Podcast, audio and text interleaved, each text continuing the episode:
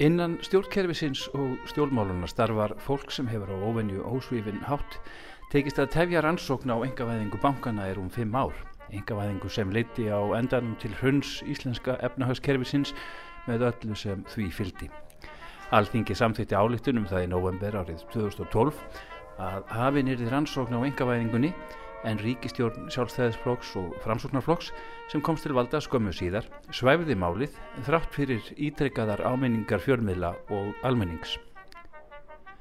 Það var síðan í mars á liðnu ári sem umræðum málið rataði aftur inn í sal alþingis fyrir alvöru en þá skilaði rannsóknar nefnd alþingis skýrslu um þáttöku hák og áfháser í engavæðingu búnaðabankans Skíslan leiti ljós meiri háttar lögbrott og blekkingar við þá engavæðingu en fjallaði þó einungisum afmarkaðan þátt engavæðingarinnar. Við það tilefni saði Svandís Svavastóttir, þingmaður vinstri grætna, að skíslan leiti ljós einungis hluta stærra máls.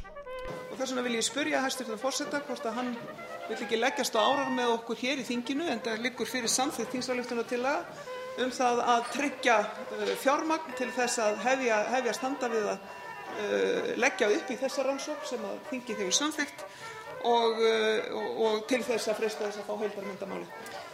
Dægin eftir sendi Yllu Jökulsson post á alla þingmenn þar sem hann spurði hvort þér væri ekki sammála því að framfylgja loks álíktun alþingis frá 2012. Allir þáverandi þingmenn vinstri græna svöruðu spurningunni játandi, allt fólk sem situr enn á þingi.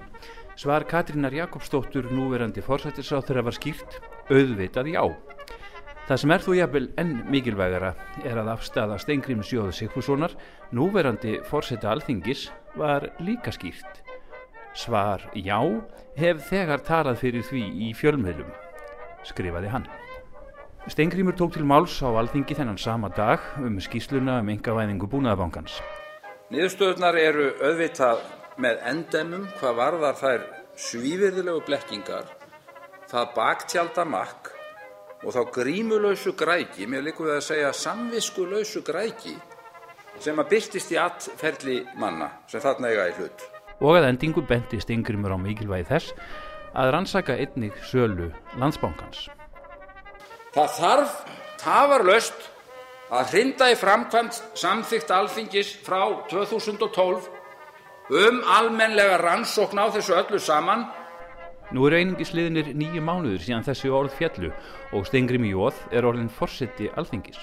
Hann hefur því fullt vald til að hefja þessa rannsókn sem hann sagði þá að hefja þyrti tafar löst. Forsettisáð þeirra hefur orðið nokkuð tíðrætt um það á stuttumferli að byggja þurfu upp traust á stjórnmálum. Sábóðskapur hefur virkað nokkuð falskur í ljósi viðbræða vinstri græna eða öllu heldur skorti á þeim við lögbrótum dómsmálar á þeirra. En nú gefst þingfloknum kærkomið tækifæri til að bæta ráðsitt. Þingsáliktunin hefur þegar verið samþygt og ekki er liðið ár síðan þingmenn vinstri græna lístu yfir eindregnum vilja sínum. Eina sem þarf er að þingflokkur vinstri græna og núverandi fórseti alþingis standi við eigin orð.